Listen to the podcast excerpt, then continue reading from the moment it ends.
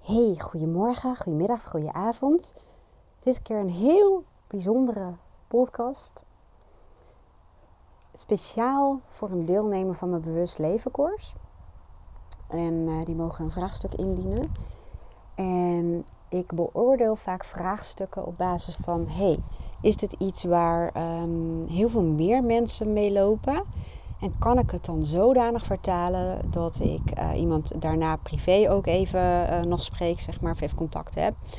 Um, en aangeef wat ze in de uh, bewust leven ze kan gaan doen. En een stukje advies. maar kan ik het zodanig vertalen dat ik de anonimiteit of de, de, gegevens eigenlijk anoniem houd, zodat dat er dan beschermd is. Maar er een podcast van kan maken, zodat andere mensen er ook wat aan kunnen hebben. En dit is er zo één. Allereerst als jij luistert, ik ga natuurlijk je naam niet zeggen, maar jij hebt dit uh, berichtje al lang privé van mij gehad.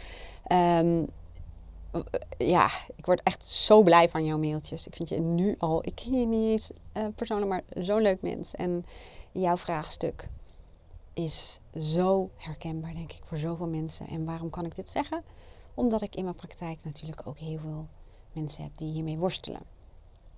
Ik ga um, je mailtje voorlezen, het vraagstuk, om die helder te krijgen. Voor de mensen die dit luisteren en voor jouzelf natuurlijk even nog weer een reminder. Maar ik ga hier en daar wel even wat dingen aanpassen. Dat snap je. Dus af en toe zul je wat stilte horen of even dat ik even pauze neem. Omdat uh, dat ik dan even kijk hoe ik dat ga formuleren. Om de herleidbaarheid als het ware uh, weg te nemen. Dus je snapt wat ik bedoel. Um, het is een vrouw en heel vaak uh, zeg ik niet eens ook de, uh, het geslacht, maar in dit geval um, herken je wel een aantal dingen als in dit geval werkende moeder, dat doe ik het wel. En deze persoon zegt dat ze vooral op zoek is naar rust, maar al jarenlang. Ze zegt: Ik blijf altijd en overal dingen zien die moeten gebeuren. Moeten tussen quotejes. Zowel qua werk, ik ben gynaecoloog, dus nooit uitgeleerd. En er zijn nogal wat consequenties als ik mijn werk niet goed doe als thuis. En je snapt, ze is geen gynaecoloog, maar ik moet er eventjes iets van maken. Uh, ze heeft in geval wel een hele verantwoordelijke baan. Laten we het daar maar op houden. Ze zegt, hoe ik ook probeer het leven in te richten. Ik heb al Getting Things Done gedaan. En dat heeft een heleboel geholpen. En hoe helder mijn prioriteiten ook zijn. Hoezeer ik geleerd heb om grenzen te stellen. En bedenken dat rust en zinloze dingen juist heel goed voor me zijn. Ik draaf bijna altijd maar door in alles wat er nog moet. En ik doe maar weinig wat ontspannend is voor mij. Ik zeg ook vaak ik moet in plaats van ik wil. En het gekke is, ik ben me daar ook nog eens een keertje heel erg bewust van. En dat maakt het nog zoveel irritanter dat ik het niet kan doorrekenen. Ik weet ook niet goed wat ik nou echt leuk vind en ik heb nooit geleerd om daar zo naar te luisteren. Ik pauzeer even deze um, mail. Ik ga zo meteen verder om hier alvast wat feedback op te geven. Want Um, deze persoon zegt eigenlijk een aantal uh, dingen. Waarbij ik meteen al uh, kan aangeven welke nou ja, methodieken, noem ik het maar even, echt verschil kunnen maken. Maar echt verschil. En toen ik het mailtje las, dacht ik: Oh, dat is de oude Wendy. En um, ja, nou ja, dat. Dus het is ook, ook nog heel herkenbaar en voor heel veel andere mensen in de praktijk ook. Maar um, ze zegt ook, um, aan de ene kant zegt ze hoe helder mijn prioriteiten ook zijn. En ik lees ook een zin, ik weet ook niet goed wat ik nou echt leuk vind en heb nooit geleerd om daar zo naar te luisteren. Als ik dit al lees, hè, want aan de ene kant is het heel helder wat de prioriteiten zijn.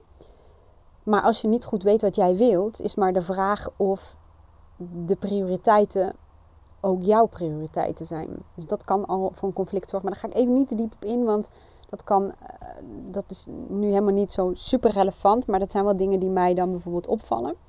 Nou, ten eerste zegt ze ook, en daar komen ze later ook nog op terug. Ik weet ook niet goed wat ik nou echt leuk vind en heb nooit geleerd om er zo naar te luisteren. Nou, hier zitten een aantal dingen in. Dit gaat in essentie, in de eerste instantie, zonder meer over persoonlijke waarden en normen. En wat bedoel ik daarmee?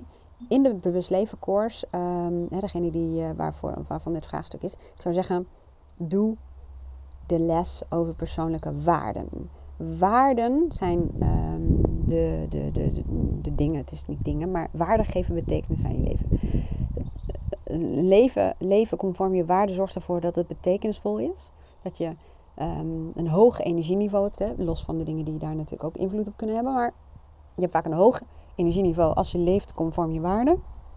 En je functioneert uh, optimaal. En waarom zeg ik waarden?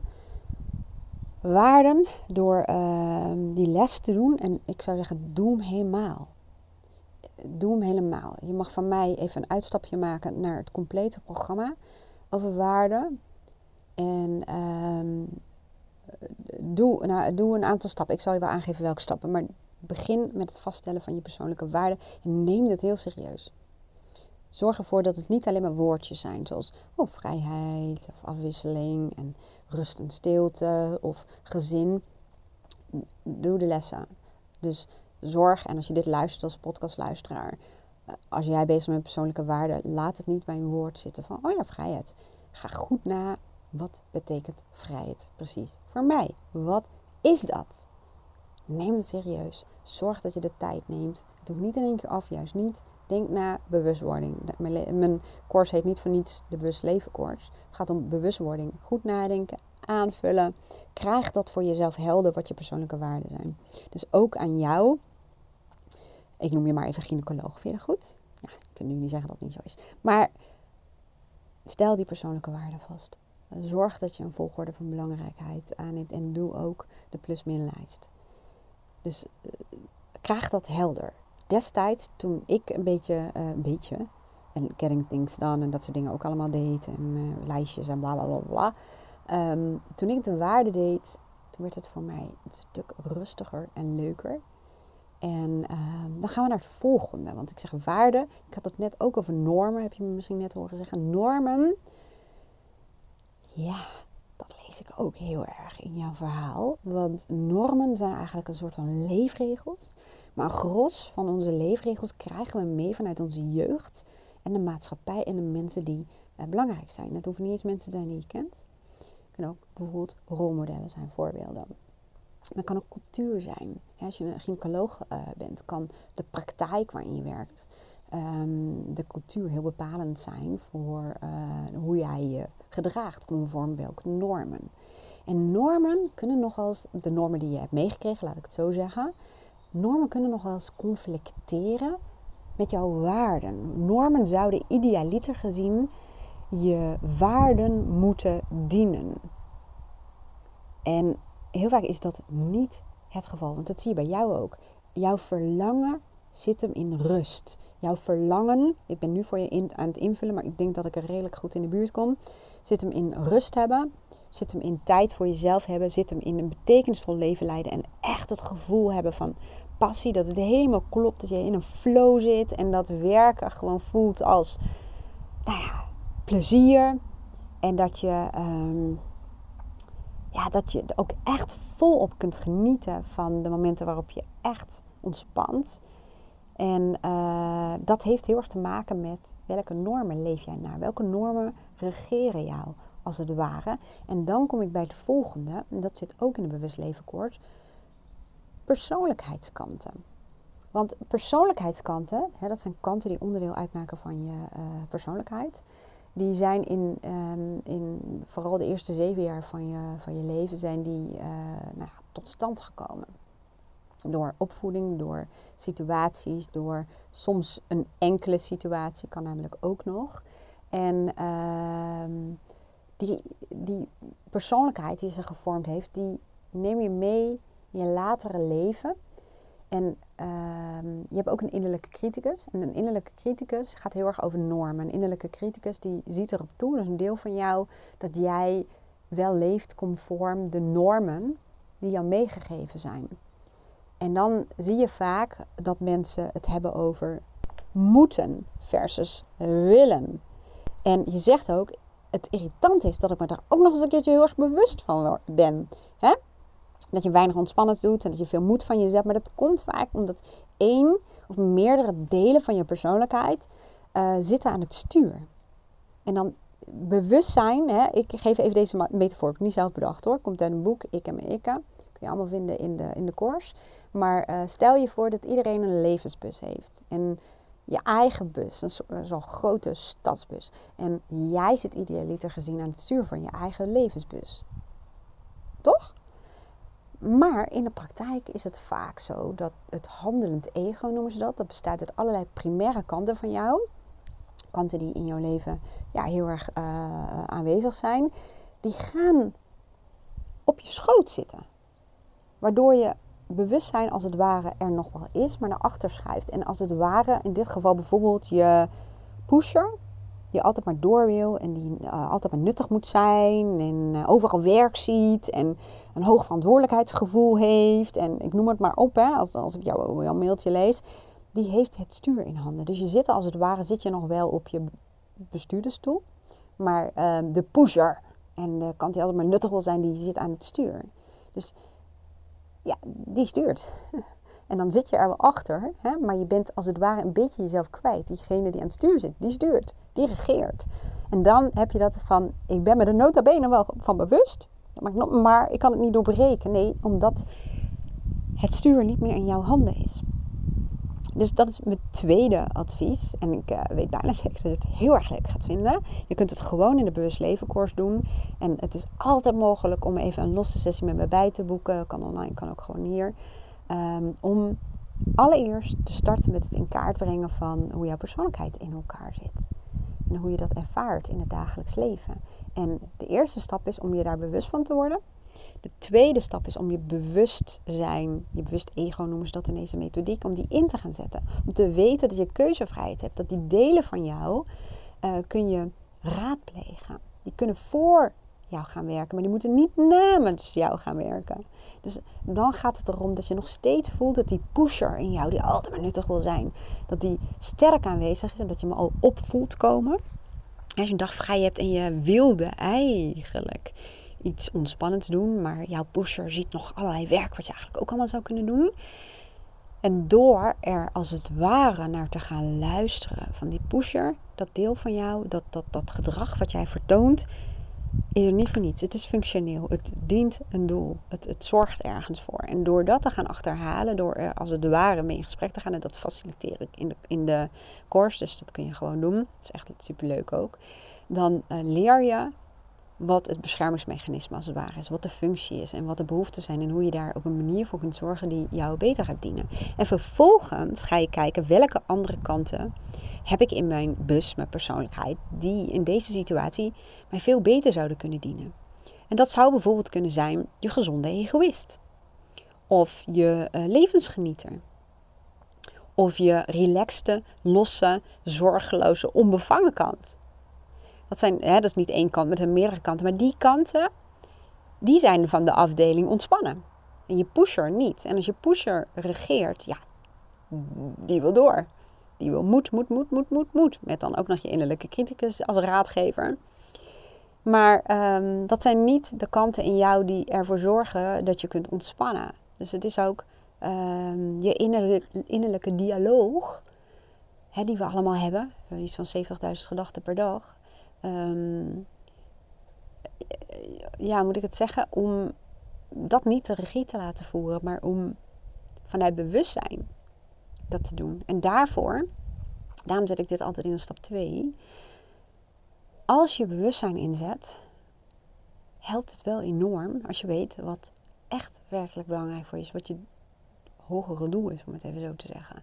Want dan um, ja, kun je ook weten uh, ja, wat je op dat moment inzet. En dan ga je ook veel meer zitten op de langere termijn versus op de korte termijn, waarin je veel meer regeert, of sorry, reageert. En je laat leiden door de prioriteit van andere mensen en de uh, waan van de dag. En als je dus een, ja, ik zeg maar een hoger doel, klinkt een beetje gek, maar en dan wel, um, wel wat op de langere termijn. Als je dat helder hebt, dan ga je andere keuzes maken. Net als in de opvoeding, als mensen op een gegeven moment visie hebben. Hè, dus weten wat hun belangrijkste waarden zijn in hun leven en wat ze hun kinderen mee willen geven en conform welke waarden ze willen opvoeden. En als ze ook een soort beeld hebben van zo wil ik straks dat mijn kinderen de maatschappij ingaan, dit moeten ze kunnen. En ik zou het fijn vinden als, uh, nou ja, als dit de personen uh, zijn die ze zijn. Het is een gevaarlijke uitspraak, zo van alsof jij dat besluit en beïnvloedt. Maar nou, anyway. Uh, maar als je een beeld hebt van wat je je kinderen mee wil geven als ze straks uh, zichzelf moeten redden in de maatschappij, dat is ook een waarde. Wil je dat ze zichzelf redden? Of wil je dat ze afhankelijk zijn van jou? Um, ja, ze is een gekke zin, maar het kan. Dan kun je makkelijker keuzes maken die uh, op dat moment conflicteren met bijvoorbeeld je schuldgevoel, omdat je een langer termijn plaatje voor ogen hebt. Dan kun je vaker zeggen: Kom, je gaat zelf je kamer opruimen en dat vind je niet zielig. Hè? Of um, nee, dat gaan we gewoon niet doen. Jij drinkt gewoon geen cola. Omdat je ja, die visie voelt. Laten we het daar maar op houden. Ik ga even verder met je mail. Um, want je vertelde ook, ik weet ook niet goed wat ik nou echt leuk vind en heb nooit geleerd om daar zo naar te luisteren. Dat heeft dus A te maken met die waarden en, en die visie. Visie, dus het, het, je droombeeld creëren of je ideale leven of echt een, een visie hebben op een bepaald levensgebied of alle, zit ook in de bewust leven course. Dus dat volgt daarna. Alles heeft een bepaalde volgorde die um, ja, gewoon goed op elkaar aansluit, laat ik het zo zeggen. Dan alles gaat nog meer kloppen als je een volgend onderdeel erbij pakt. Um, en het heeft natuurlijk te maken met die persoonlijkheidskant. Als je nooit hebt geleerd om daar zo naar te luisteren, dan kan het zijn dat er een kant in jou actief is die eerst luistert naar de behoeften van anderen. En dat was naar die van jezelf. En nou ga ik ook weer even heel erg stereotypen, zullen we maar zeggen. Maar wat je vaker ziet, stukje conditionering vanuit de maatschappij, is dat meisjes vaak wordt geleerd om braaf, lief en gehoorzaam te zijn. Waardoor meisjes ook vaak eerst de behoeften van een ander voorop stellen en dan die van zichzelf. Het is shit, maar het is wel uh, nog iets wat ik heel vaak zie. En, uh, en, en nou ja, dat zijn allemaal dingen die, die je innerlijke criticus voeden. En dat is ook de reden waarom heel veel vrouwen inderdaad um, niet zo goed weten, niet hebben geleerd hoe ze A, hun eigen behoeften kunnen identificeren en hoe ze daarnaar uh, luisteren en handelen. Dus die methodieken, dus waarden, voice dialogue, persoonlijkheidskanten, die dekken dit, om het even zo te zeggen. Dat, nou, oké. Ik ga even verder. Qua werk heb ik naar uh, heel veel dwalingen in mijn leven mijn plek wel gevonden, denk ik. Um, ik kijk ook altijd naar woorden. Qua werk heb ik naar heel veel uh, dwalingen mijn werk wel gevonden, denk ik. Maar dan komt de volgende zin. Waar iemand met een kritische blik die veel verbetermogelijkheden ziet, niet als negatief, maar als waardevol gezien wordt. Uh, nou, dat, dat, dat voorziet dus, dus die omgeving waarin je nu werkt, voorziet dus in één of meerdere belangrijke persoonlijke waarden van jou. En je persoon, één of meerdere persoonlijkheidskanten komen tot hun recht in die omgeving. Je zegt, maar mijn huidige werk uh, ga ik niet tot mijn pensioen volhouden. Dus ergens moet ik iets anders vinden. Maar ik weet niet goed wat. Hè. Dit gaat weer over die waarden. En over uh, in hoeverre je persoonlijkheidskanten um, dat toestaan. Tenzij jij de regie gaat pakken natuurlijk. Dan moet je wel weten welke kanten dat zijn. Um, je zegt ook, ik vind het bedenken wat ik dan wil heel erg lastig. Ik denk bijvoorbeeld aan het geven van trainingen aan gynaecologen en ondernemerstrainingen. Maar ja, dan zijn er al zoveel van. En wat draag ik dan ook echt bij? Vraagteken, vraagteken. Ja, dit is ook weer een. Nee, dit, hier komt iets nieuws bij. Dit gaat natuurlijk ook over waarde, gaat over persoonlijkheidskanten, maar dit gaat ook over overtuigingen en uh, het, het hoe. Waarden uh, help je om eerst het waarom waarom doe je wat je doet? Waarom vind je dingen belangrijk? Uh, noem het allemaal maar op. Uh, waarom wil je iets? En het wat.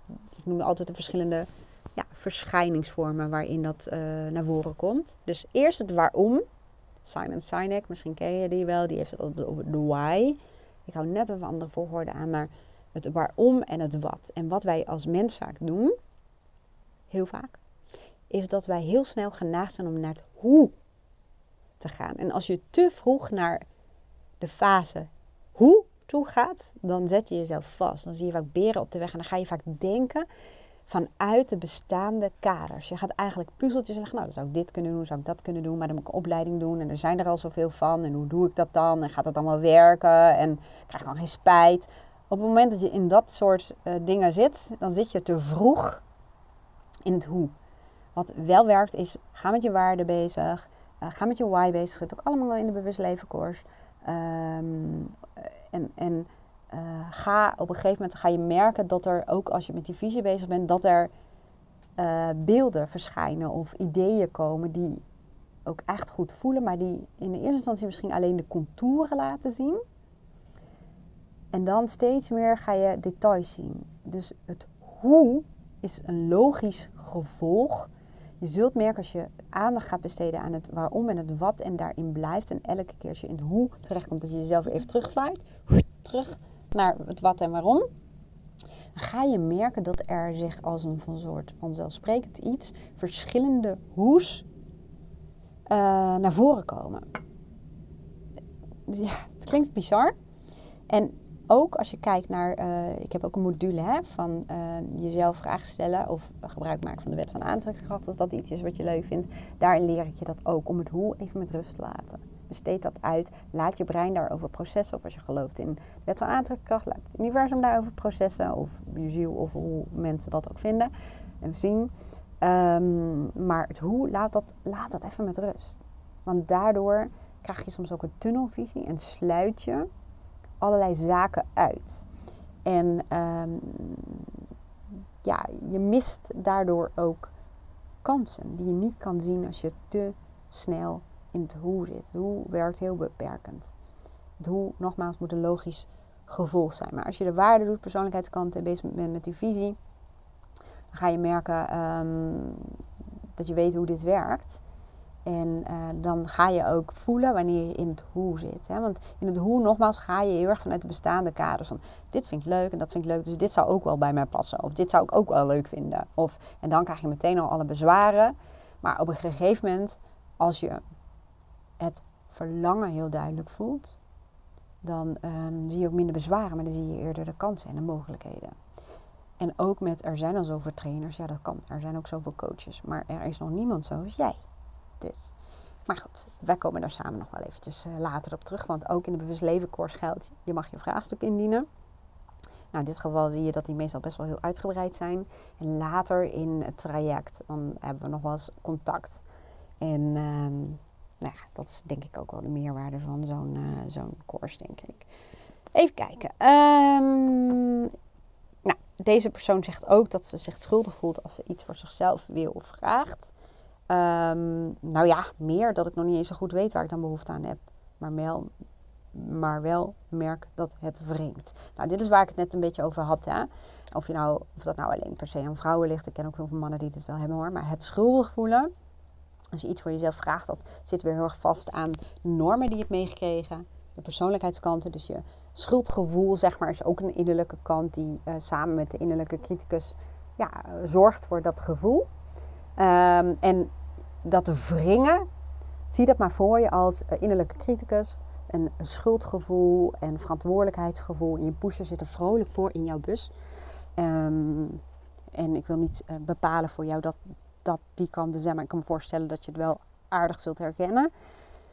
Ja, je hebt ook nog je gezonde egoïst en je levensgenieten. En die, dat wringt, want die proberen zich af en toe naar voren in die bus te wringen. Te hallo, hallo, hallo, jij bent er ook nog. Hallo, ik vind het niet leuk. Hallo, ik ben moe. Hallo, je zou eens een keertje dit.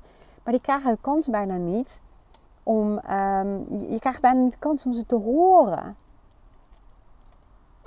Ja, omdat ze als het ware ver achter in je bus zitten en niet de kracht hebben die je primaire kanten die ik net noemde hebben. Dus dat wordt overschaduwd, maar je voelt het wel. Iets in jou, iets in mij, zeggen mensen ook. Ja, en de weerstand die je voelt, dat is dat innerlijke conflict. En geloof me, als je bezig bent met die waarden en de kanten, in jouw persoonlijkheid zitten echt kanten die exact weten wat jij wil. De basis van coaching, wat je altijd als eerste leert, is: alles wat je nodig hebt, zit al in je. Nou, dat is in dit geval ook zo. En uh, het gaat er niet zozeer om, om, om dat helemaal verder uit te zoeken, maar wel om er naar te luisteren. Je krijgt elke dag krijg je signalen van je lichaam en je persoonlijkheidskanten. Wat goed is voor jou en wat niet. Maar ja, het is wel bewust zijn en bewust opmerken en er naar luisteren. Maar dat wil je, want anders deed je niet mee. Dus um, even kijken. Dus, dus dit stuk van schuldgevoel en niet eens weten waar je behoefte aan hebt en dat het wringt. Um, dat, dat, ja, klinkt een beetje gek, maar dat los je dus als het ware ook weer op. Dat klinkt wel heel zo. Dat los je op door. Maar daar helpen die waarden en persoonlijkheidskanten en methodieken ook voor. Je zegt ook, um, ik communiceer over die behoeften ook niet zo heel erg goed uh, over in mijn uh, gezin, in mijn relatie en in mijn familie. Ja, dan hoopt dat zich op en dan word ik een bitch naar iedereen. Jee! Nou, die bitch, I love her. Nee, je ziet vaak als je een kant te lang verwaarloost, dat noemen ze in de voice dialogue, dan wordt het demonisch. Ik noem mijn bitch mijn heks. Want als ik te lang um, waarde verwaarloos dus. Laatst had ik dat in de vakantie. Uh, te veel afspraken in mijn agenda. En dat heb ik natuurlijk zelf gedaan. Hè? Ik ben geen baby meer. Um, maar toch verwaarloosde ik dus een aantal belangrijke kanten en waarden van mezelf. En dan, mijn heks kwam eruit. En echt één kant die ik echt helemaal niet leuk vind van mezelf. Me zeikert, me klager. En die zette het op een zeiken en klagen. Nou echt, echt schaamteloos gewoon. En dat is, dat noemen ze demonisch. Die komen eigenlijk een soort evenwicht herstellen. Net als een klant van mij uh, die zei: ehm, Ja, ik uh, begin uh, al heel erg lang, maandenlang, heel vroeg. Ik neem geen pauzes op kantoor. En ehm, s'avonds werk ik ook nog even door. En als ik thuis kom, kan ik alleen maar op de bank liggen. En dat verafschuwde ze zich van zichzelf. Ik, heb alleen, kan alleen maar Netflixen met een zak chips. En alles versloften. Ja, kun je wel van balen. Maar die uh, luilak, noemden ze haar innerlijke luilak. We hebben die als het ware in, in Voice Dialogue sessie gesproken. Ja, en we kwamen er heel makkelijk achter dat die simpelweg het evenwicht kwam herstellen. Het moest wel. Want als, als je heel extreem uh, doorslaat in uh, de hele tijd aanstaan en, en verantwoordelijke en alleen maar werken, dan zie je dat een andere kant heel extreem naar de andere kant gaat om ergens het evenwicht te herstellen. En als zij ging op een gegeven moment samen met mij een plan maken, oeh, hè, want dat gaat ook weer over normen, gaat ook weer over kanten die op het werk dan actief zijn en noem het allemaal maar op. Om overdag um, ja, meer balans te hebben. Dus overdag meer ruimte voor um, wat de luilak was, maar in essentie gewoon rust en herstel was. En door dat te doen, merkte ze dat ze s'avonds veel, veel meer energie kreeg. En ging paardrijden en met mensen af ging spreken en gezonder ging eten. Want daar gaat het ook om. om eh, ja, als je die kanten verwaarloost, dan komt in jouw geval de bitch eruit. In mijn geval de heks, maar volgens mij is het dezelfde kant. Dan zouden ze echt elkaar heel aardig vinden. Eh, of de koppen inslaan kan natuurlijk ook. Um, even kijken. Mm, nu ben ik even kwijt waar ik was. Oh ja, de bitch. Even kijken. Je zegt ook, het verlangen zit erin om een leven te creëren waar je geen vakantie voor nodig hebt. Yay! Welkom. Het bestaat, het kan en jij bent sowieso al mega goed op de goede weg. En je zit al echt duidelijk op een punt waarin er urgentie is, maar er is ook al verlangen. En ik ben een voorstander van om verlangen te voeden. Want verlangen is natuurlijk een veel lekkerder gevoel en een veel lekkerder motortje dan urgentie en noodzaak. Ik zou alleen maar zeggen, eh, je bewustzijn is absoluut niks mis mee. En er zit een verlangen, er wil iets in jou uit, daaruit. Nou, niet uit die bus, maar die wil, die wil leven. Um, je zegt ook, oh, dat herken ik trouwens nog wel. We gaan, als we nu vakantie hebben, altijd weg, omdat ik anders toch geen rust ervaar. Ja, nou ja, dat eh, kan ik niet zeggen dat ik daar nou uh, de oplossing voor heb. Wel dat dat ook weer gaat natuurlijk over wat jij dan vindt dat je in je vakantie, als je thuis bent, moet doen. Hè? Als je geen rust hebt, ja, dan heeft dat te maken met alles wat je waarschijnlijk van jezelf moet. Of waar je mee in aanraking komt. Ik moet heel eerlijk bekennen dat ik voor mezelf ook gewoon de conclusie heb getrokken.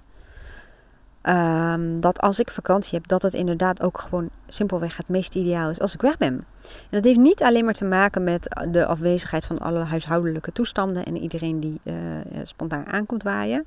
Heeft ook te maken met dat een vakantie naar het buitenland met name um, er, ervoor zorgt dat ik nog meer conform mijn waarde vakantie kan vieren.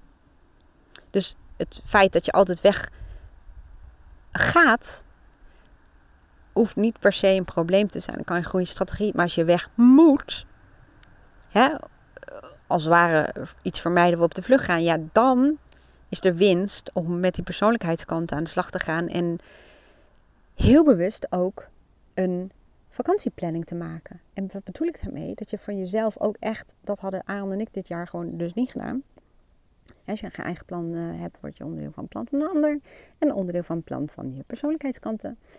Uh, maar een plan van wat willen we graag ervaren deze, tijdens deze vakantie. En het plan hoeft niet te zijn dat je allemaal activiteit hebt. Maar het plan kan ook zijn dat je zegt: um, Ik wil gewoon een paar dagen, drie dagen of zo, dat we helemaal niks hebben. Gewoon lekker uh, niet douchen, gewoon in de tuin slenteren, bla bla bla. Ik noem even wat, drie boeken lezen of zes of whatever. Dat is ook plannen. Hè? En dat hoeft dan niet op die dagen noemen we dat, want het kan soms heel erg vastzetten. Maar als je wel helder hebt van hoe, jij, hoe jullie de vakantie willen ervaren, wat jullie eventueel willen gaan ondernemen, dan is de verleiding op allerlei andere zaken doen um, een stuk kleiner. Want ook daarvoor geldt weer, als je weet waar je voor gaat en staat, dan val je niet overal voor, zullen we maar zeggen. En ook niet voor de ramen lappen en dat soort dingen.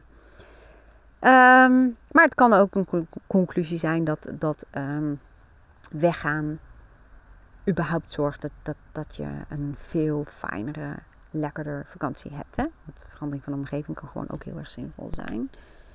Um, oh ja, dat zeg je ook. Uh, want ik zie nu dat je zegt waarin ik me rustig gevoel de bol de boel kan laten. Meer het moment leven, lol en luchtigheid ervaren. En eens wat leuks gaan doen.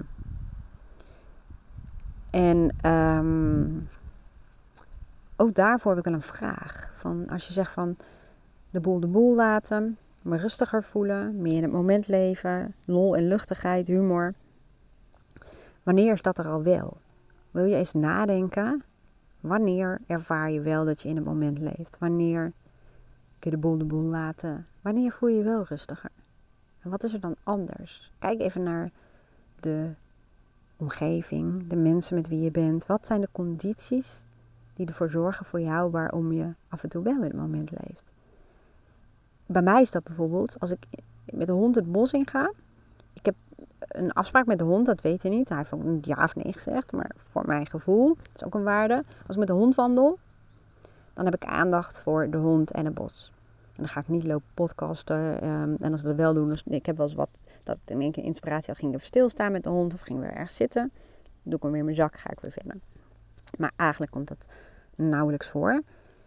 En um, dan ben ik er. Dan heb ik oog voor mijn omgeving. Ik luister, ik, uh, ik kijk, ik ruik, ik, ik, ik neem uh, de, de, de wat kleinere paadjes. Ik, um, ja, ik kijk niet op de klok, ik zet gewoon de wekker. En dan merk ik dat ik echt in het nu kan leven. Dus kijk ook even wanneer kan je dat wel. En, uh, en ja, ja, vanuit de oplossingsgerichte coaching zeggen we dan ook, en doe dat vaker.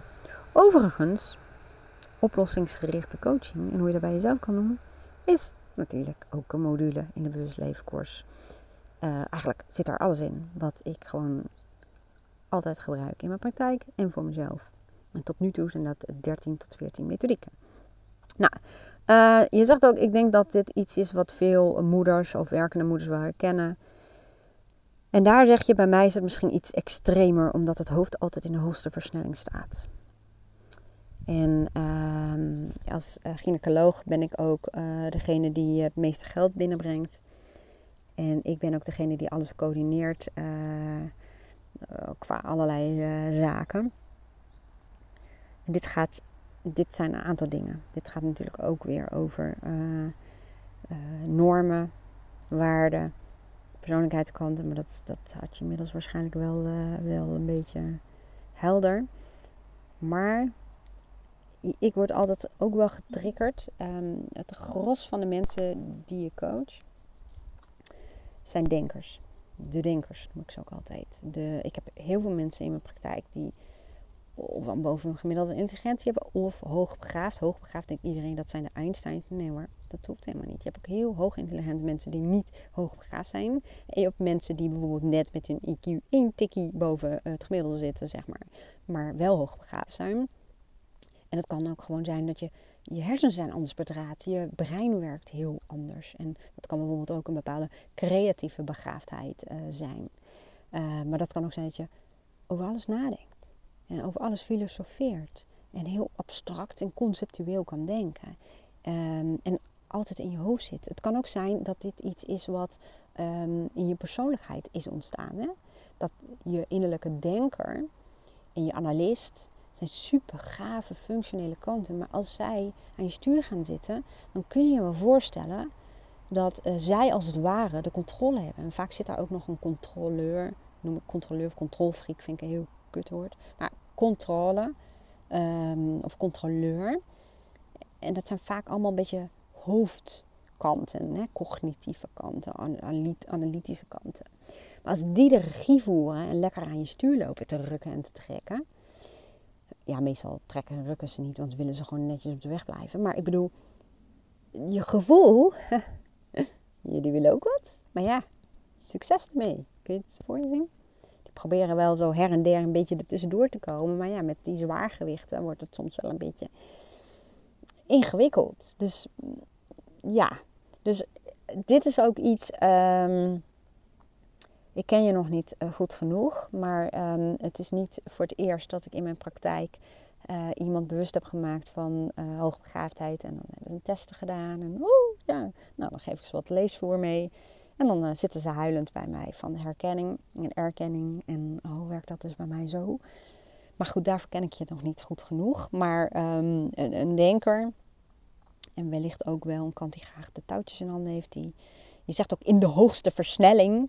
Ik zie dan zo voor me dat die kant aan je stuur zit en ook nog lekker hard uh, uh, nou ja, gas wil geven, zullen we maar zeggen. Zacht gas geven, kan dat ook? Nee, ja, dat kan ook. Maar anyway, um, ook dit, dit is, dit is toevallig dat dingetje waar ik even alert op blijf van ga eerst aan de slag met die waarden, met je persoonlijkheidskanten.